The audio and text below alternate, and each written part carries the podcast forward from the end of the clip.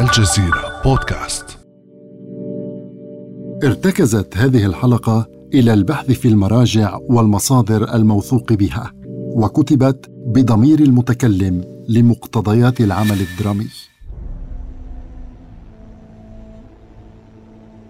سيادة الرئيس بوتين رسالة وسلام من المرشد الأعلى للثورة السيد علي الخامنئي.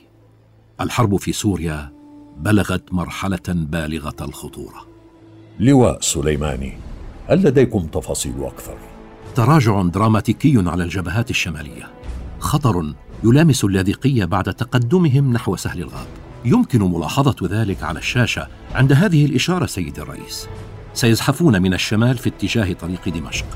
نحتاج بشدة إلى دعم روسي جوي وعندها سنستعيد المبادرة. تدخلكم وحده يحد من هذا المسار التراجعي. يجب أن ندرس الأوضاع. في كل الأحوال لن أسمح بسقوط حليفنا بشار لأن ذلك سيعني انتقال الفوضى والإرهاب إلى روسيا نفسها.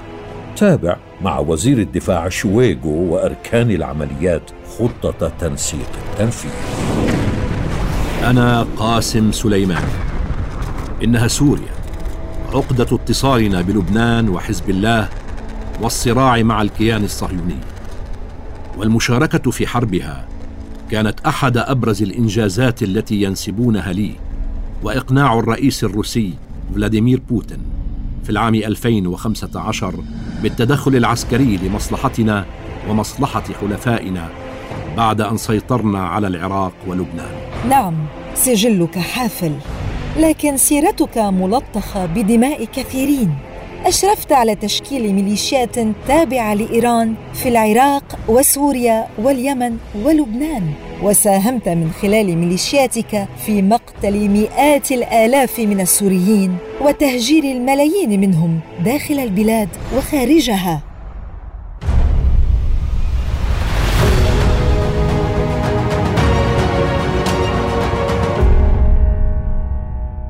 أهلا بكم متابعينا الكرام في هذه الحلقة الجديدة من بودكاست رموز من الجزيرة. أقدمها إليكم أنا محمد حيث يحدثكم الجنرال قاسم سليماني بصوتي ليخبركم عن حياته وما فيها من أخطار ومحطات مفصلية في صراعات الشرق الأوسط. لن أكون وحدي معكم تستطيعون طرح ما تشاءون من الأسئلة.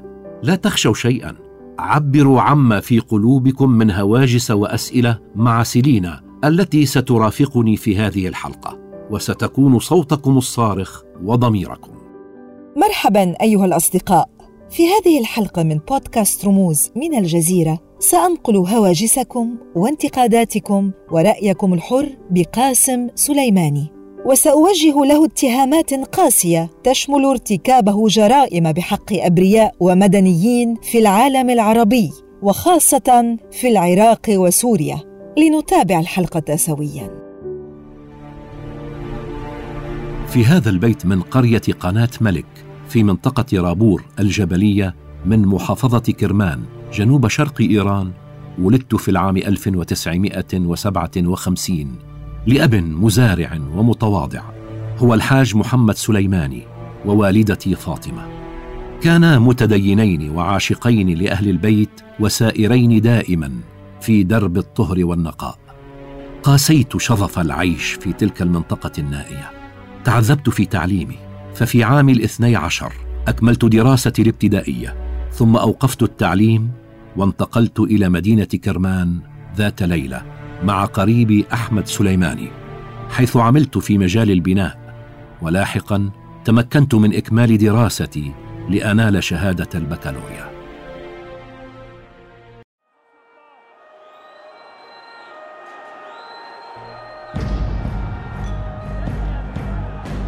إنها جماهير الثورة تهدم. الثورة الإسلامية على الشاه التي أطلقها الإمام الخميني أنزه عالم دين والذي هز أركان العالم وأحيا الإسلام. إمامنا الخميني العظيم الجليل الذي جعل ولاية الفقيه الوصفة المنقذة الوحيدة لهذه الأمة الإسلامية وجعل إيران في خدمة الإسلام وكرس نهج مواجهة أمريكا والدفاع عن المسلمين الواقعين تحت ظلم الاستكبار. لطالما انتظرنا ثورة إسلامية كهذه لننتفض على الظلم ثورة المستضعفين على المستكبرين الظالمين. نبذل فيها الدماء الزكية الطاهرة لإحقاق الحق ودك عروش الظلم. مهلا مهلا مهلا. تقول إنها ثورة المستضعفين.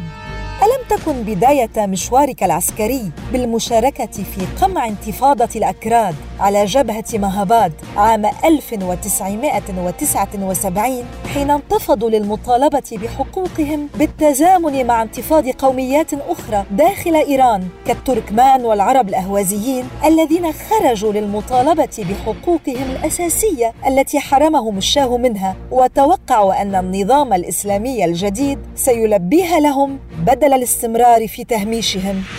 تلك كانت فترة حرجة. كانت البلاد تموج بالعواطف الجياشة. بعدما استبد الشاه الظالم وكان عملاء جهاز المخابرات السافاك المشهور بوحشيته يعتقلون العلماء ويزجون بهم في السجون لخنق أي صوت يطالب بالعدل وبحرية الشعب الإيراني المسلم. تأثرت بأجواء الثورة خاصة بسبب قربي من الداعيه الشيخ حجة كمياب كان الاضطهاد عظيما لعلمائنا وشعبنا وطلابنا. كان الشاه مرهوبا محميا من شيطان هذا العصر أمريكا. من كان يفكر بأن الثورة ستنتصر. لكن سنتكل على الله وعلى عظمة هذا الشعب المستضعف. يجب أن نتحرك للأخذ بالثأر لدم هذا الشعب المستضعف الذي يستشهد أفراده مظلومين في المدن.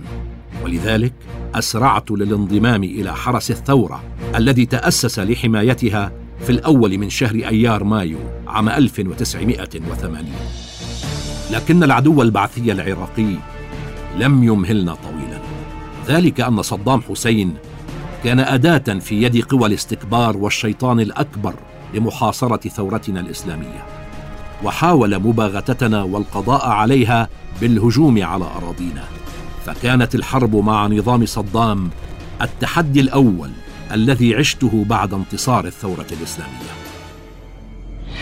وصفت صدام بأنه أداة في يد أمريكا. لكن الوقائع تشير أن الحرب اندلعت بسبب الدعاية الإيرانية القائمة على تصدير الثورة واشتداد الخلاف بين العراق وإيران حول ترسيم الحدود خاصة في منطقة شط العرب المطلة على الخليج العربي الغني بالنفط بالإضافة إلى قصفكم لمناطق عراقية والاشتباكات العسكرية المتقطعة بين البلدين. لا العراق هو من أعلن الحرب. أما أنا فقد توليت حينها حراسة الطائرات في مطار كرمان وما لبثت الأوامر أن صدرت بالانطلاق إلى جبهات سوزنغارد مع فصيل من كرمان مؤلف من نحو ثلاثمائة مقاتل. وكان الاشتباك الأول لي مع قوات العدو الذي أرغمناه على الانسحاب من جانب طريق سوزنغارد إلى منطقة الحميدية. كانت الحرب مع نظام صدام حسين ميدانا لبناء تجربتي العسكرية. تسلمت قيادة الفيلق 41 ثأر الله. التابع لمدينة كرمان. شاركت في كل معارك الدفاع المقدس. في جزر مجنون كربلاء أربعة عندما حاصرنا البصرة وكربلاء خمسة والفجر ثمانية في الهجوم على الفاو. وفي شلمجة. اشتهرت بقيادة مهمات الاستطلاع خلف خطوط قوات العدو البعثي الملحد. وقد تعرضت لإصابة في أثناء عمليات طريق القدس في تشرين الثاني نوفمبر من العام 1982 وقد كانت فرصة مناسبة لمحاولة اغتيالي عبر الطبيب المعالج. لكن سرعان ما كشفنا أمره. لكنك متهم بمشاركتك خلال هذه الحرب في عمليات تعذيب وحشي للأسرى العراقيين. وكان لك دور في توجيه شبكات الاغتيال والتخريب في الداخل العراقي أيام صدام. الحرب كانت قاسية. سقط إلى جانب العديد والعديد من اخواني الشهداء الذين ارتضوا الجهاد في سبيل الله والثورة الإسلامية الإيرانية. وكانوا يتمنون الشهادة في سبيل الله. أحمد قاضمي محمد همت مهدي باقري زين الدين علي هاشم لقد كان هؤلاء الشهداء كالقمم الشامخة في معارك الدفاع المقدس.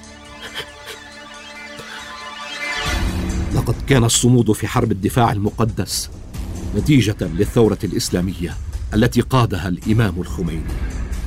ذلك أن أهم إنجاز مميز للإمام العزيز كان أنه جعل في بادئ الأمر الإسلام ركيزة لإيران.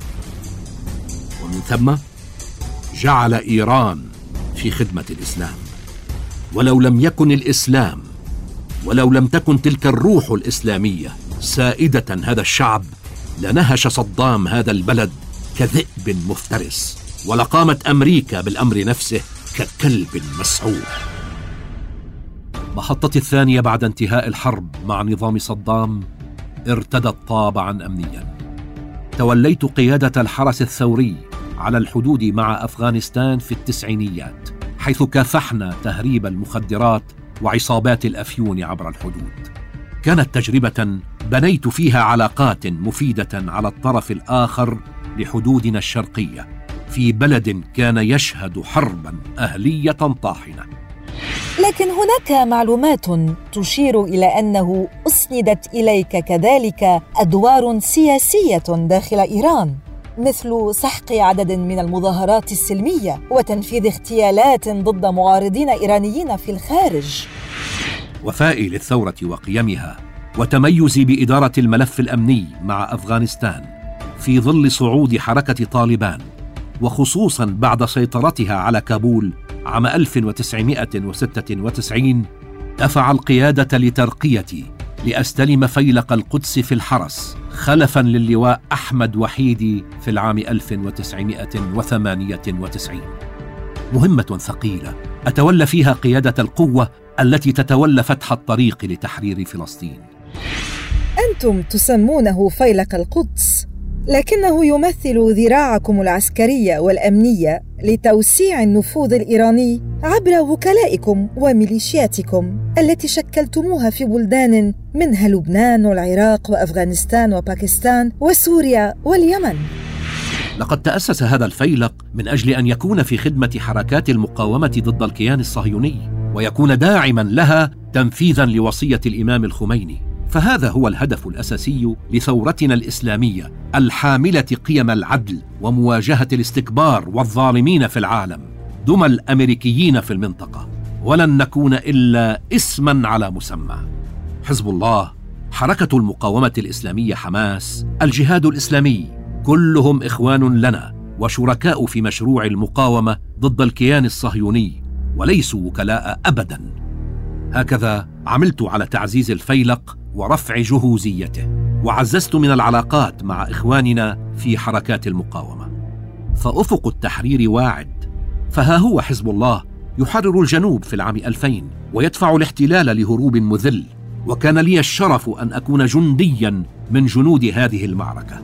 وها هي الانتفاضة الفلسطينية الثانية تعود لتنطلق مجددا. إنه فجر القدس القادم.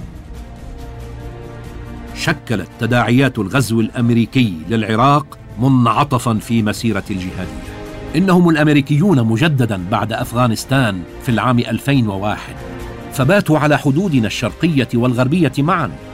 هناك ستبدأ مواجهاتي الأولى معهم.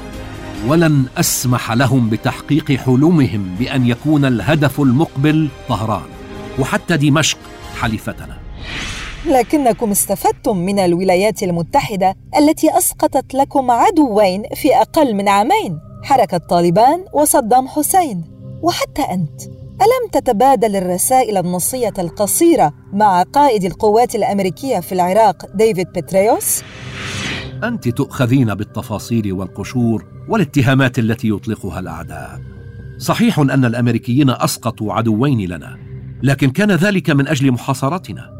فبعد فترة من إسقاط طالبان صنفنا جورج بوش الابن في محور الشر. وكان علينا أن نجهز أنفسنا كي لا نؤخذ على حين غرة بعدما زجوا بمئتي ألف جندي أمريكي بين أفغانستان والعراق. وكل ذلك كان يصب في خدمة الكيان الصهيوني. عملنا على دعم حركات المقاومة في العراق وفي طليعتها فيلق بدر. الأمريكيون جبناء. ولا بد أن يغادروا.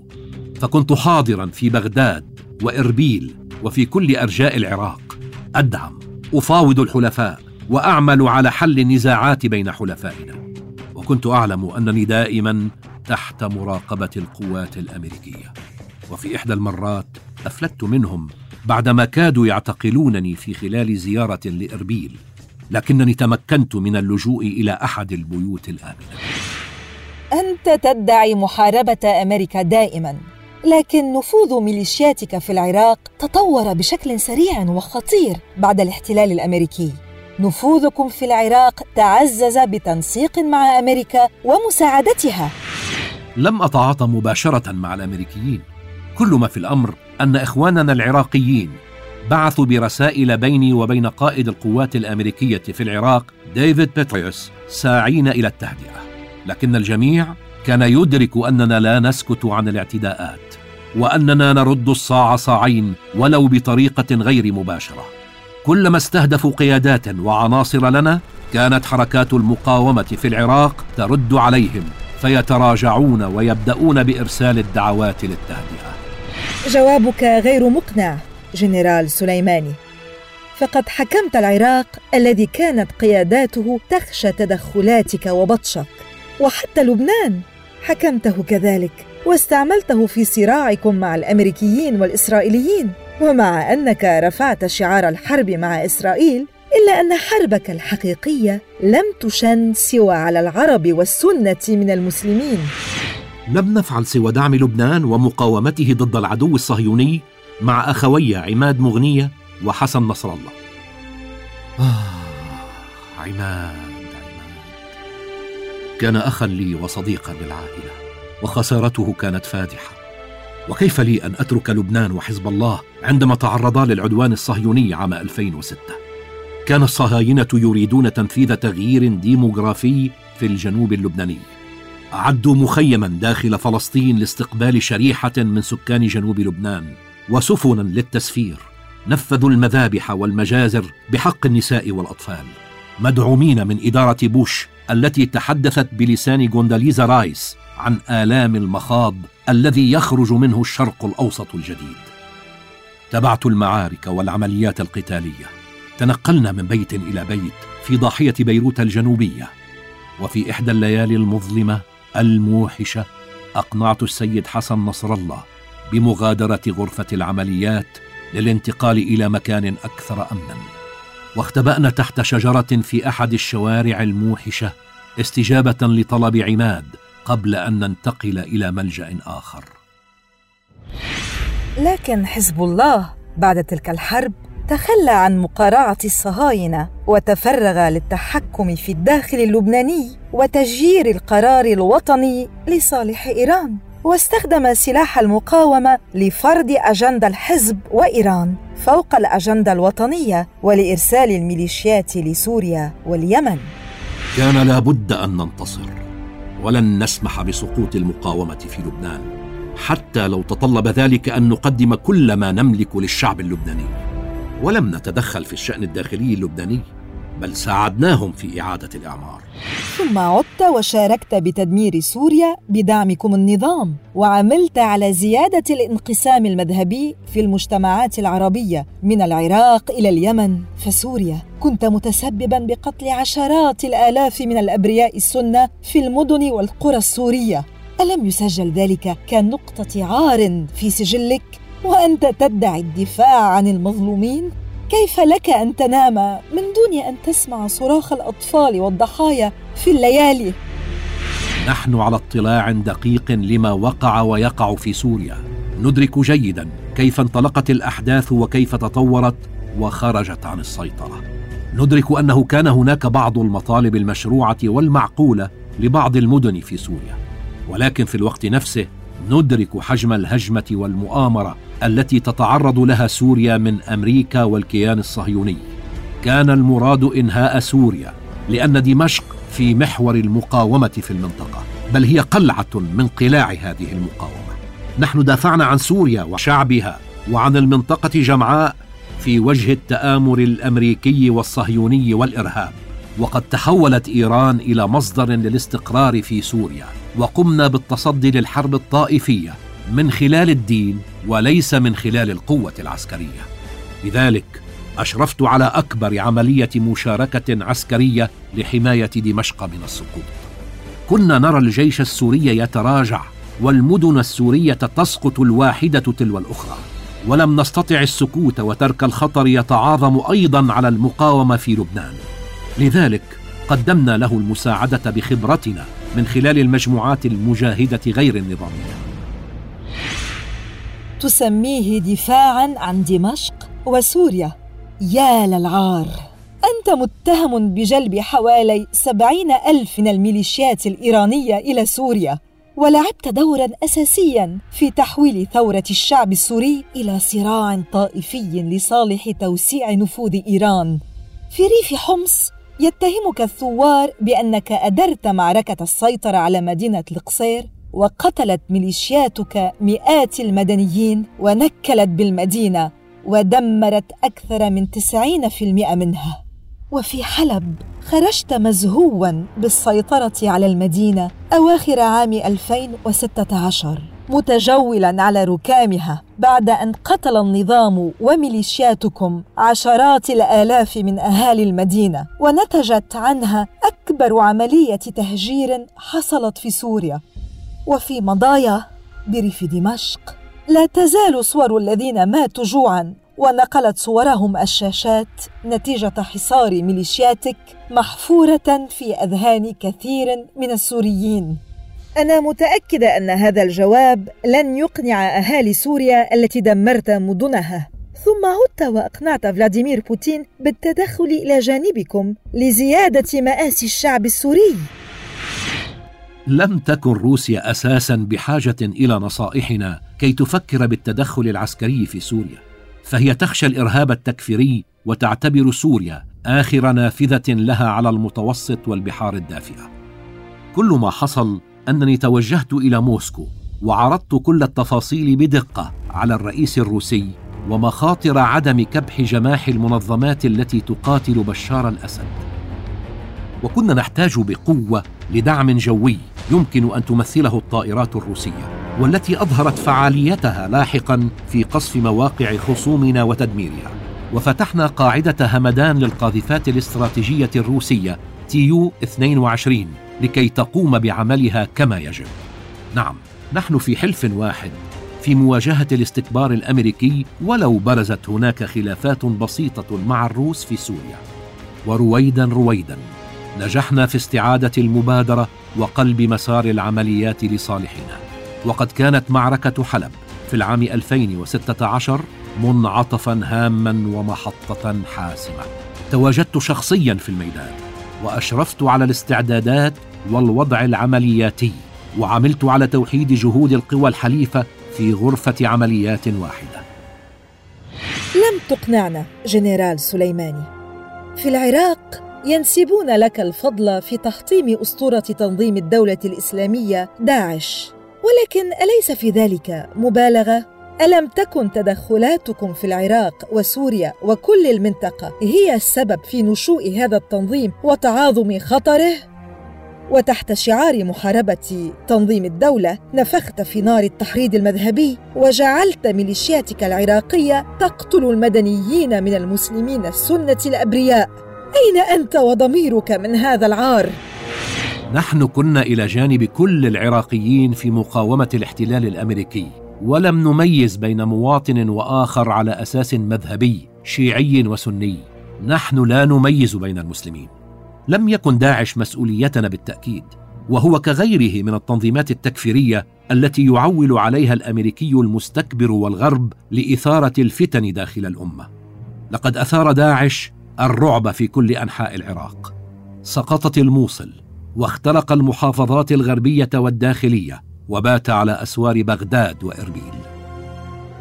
ولولانا لسقطت المنطقة الكردية بعدما انهزمت قوات البشمركه أنا لم أفعل سوى تلبية نداء العراقيين والمرجعية التي أصدرت فتوى لقيام الحشد الشعبي المقدس لمواجهة خطر داعش.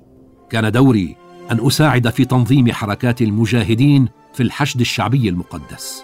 ذلك أن مسؤوليتنا في الجمهورية الإسلامية تمثلت بالدفاع عن الشعب العراقي والمرجعية الدينية وجميع المجاهدين في الساحات. تنظيم تحركات المجاهدين أم السيطرة على العراق؟ أنت دعمت تولي رئيس الوزراء الأسبق نوري المالكي لولايتين حكوميتين عامي 2006 و2014 رغم تهم الفساد التي طالت عهده وأشرفت على تشكيل ميليشيا جيش المهدي الذي نسبت له جرائم بشعة ضد السنة. وكذلك أشرفت على تشكيل الحشد الشعبي الذي يتهم بقمع المظاهرات الحالية في العراق. هل تعلم لماذا يحرق المحتجون في العراق في مظاهراتهم الأخيرة؟ صورك يحرقونها جنرال سليماني لأنهم يعتبرونك مشاركا في انهيار دولتهم وقمع احتجاجاتهم والعبث ببلادهم. مع العلم أن أغلب هؤلاء المحتجين لا يختلفون معكم مذهبيا. أنا قاتلت في كل الميادين والجبهات على أسوار الموصل. في معارك آمرلي وتكريت في تحرير جرف الصخر وجلواء والسعدية وفي مدينة البوكمال حيث قدت المعركة. كنت دائما في مرمى القذائف والقناصين على أمتار من قوات العدو. وأترك للعراقيين وللسوريين أيضا وللتاريخ أن يحكموا على دوري فيما قدمت. وأنا مؤمن بأن حكم أشقائنا سيكون منصفا. أنا متأكدة أن هذا الحكم لن يكون لصالحك. لم ترتدع. بقيت تتحرك بكل حرية في دول ما أسميتموه محور المقاومة وهو في الحقيقة محور النفوذ الإيراني. لا بل أن هناك انطباعا لدى العديد من الناس بأن هذا المحور ليس سوى محورك أنت شخصيا جنرال سليماني. بقيت كما في كل حياتي قريبا من إخواني المجاهدين. أقدم النصيحة والمشورة والدعم اللازم. نحن نعتبر بيروت وجنوب لبنان ودمشق وبغداد مثل طهران. ولا يمكن أن نترك حركات المقاومة وحدها. فقد نذرت حياتي للمقاومة ضد الكيان الصهيوني ولفتح الطريق صوب القدس. القدس ستبقى قبلتنا حتى تحريرها تنفيذا لوصية الإمام. لقد وعدت أخي عماد بأن الانتقام له لن يكون إلا باستئصال هذا الكيان القاتل للأطفال. ما علاقة تحرير القدس باحتلال ميليشياتكم لصنعاء وقمعكم الثورة في سوريا؟ ما علاقة القدس بزياراتك للعراق بعد اندلاع الاحتجاجات العراقية في أكتوبر تشرين الأول الماضي؟ شكلتم خلية أزمة مشتركة مع العراقيين لمواجهة موجة الاحتجاج ووجهتم الأذرع المسلحة لطهران بتصفية قادة المظاهرات وهو ما حدث عند بداية الاحتجاجات الأخيرة. كنت أعلم أنهم يلاحقونني وسيبقون كذلك حتى الشهادة. حاولوا مرات عدة لكن خسئوا. نحن شعب نطلب الشهادة في سبيل الله. نحن شعب الشهادة. قدوتنا الإمام الحسين كم سأكون سعيدا لو انضممت إلى قوافل رفاق الشهداء الذين سبقوني إلى الجنة في مواجهة عدوان صدام حسين وفي القتال ضد الكيان الصهيوني في جنوب لبنان والتكفيريين في العراق وسوريا. تعال يا ترامب تعال نحن في انتظارك. نحن رجال الوغى ونحن أكبر منك.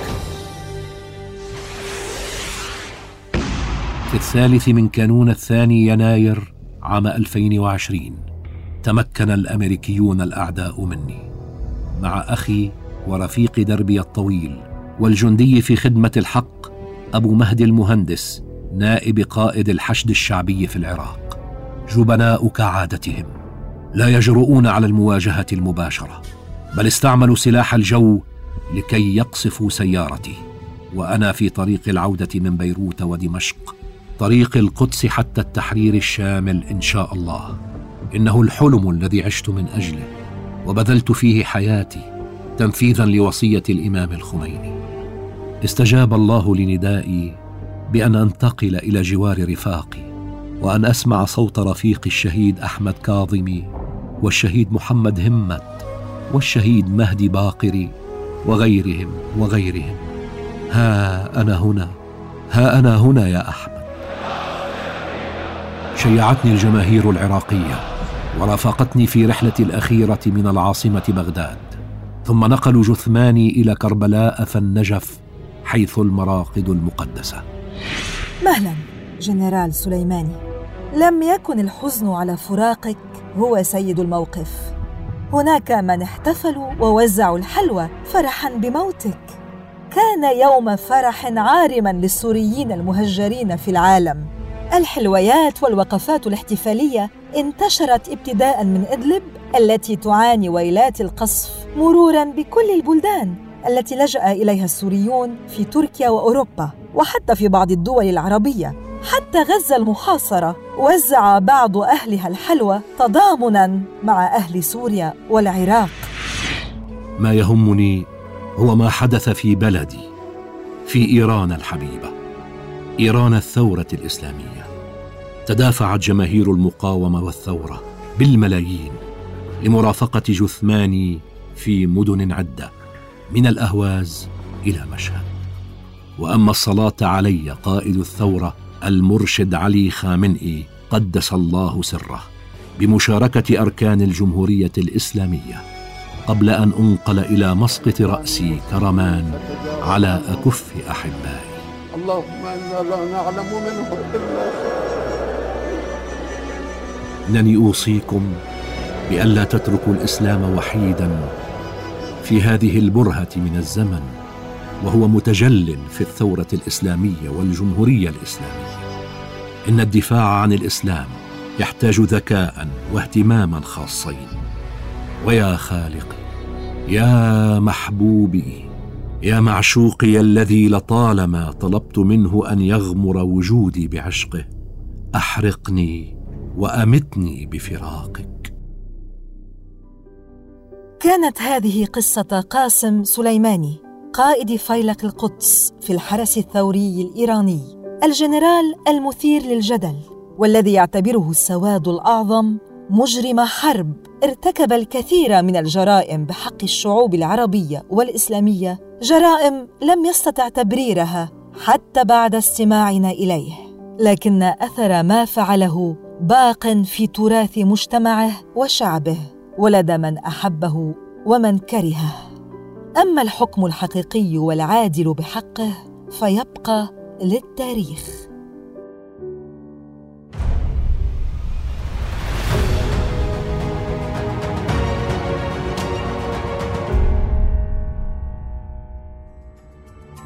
في الحلقة المقبلة من بودكاست رموز سنتناول سيرة رمز آخر رحل وترك أثره في حياتنا. انتظرونا في الحلقة المقبلة ويمكنكم الاستماع إلينا عبر جوجل بودكاست أو أبل بودكاست أو ساوند كلاود. فقط ابحثوا عن الجزيرة بودكاست. كما لا تنسوا مشاركة هذه الحلقة وزيارة موقعنا على الإنترنت podcast.aljazeera.net كان معكم محمد. وسيلينا من بودكاست رموز من الجزيرة. إلى اللقاء.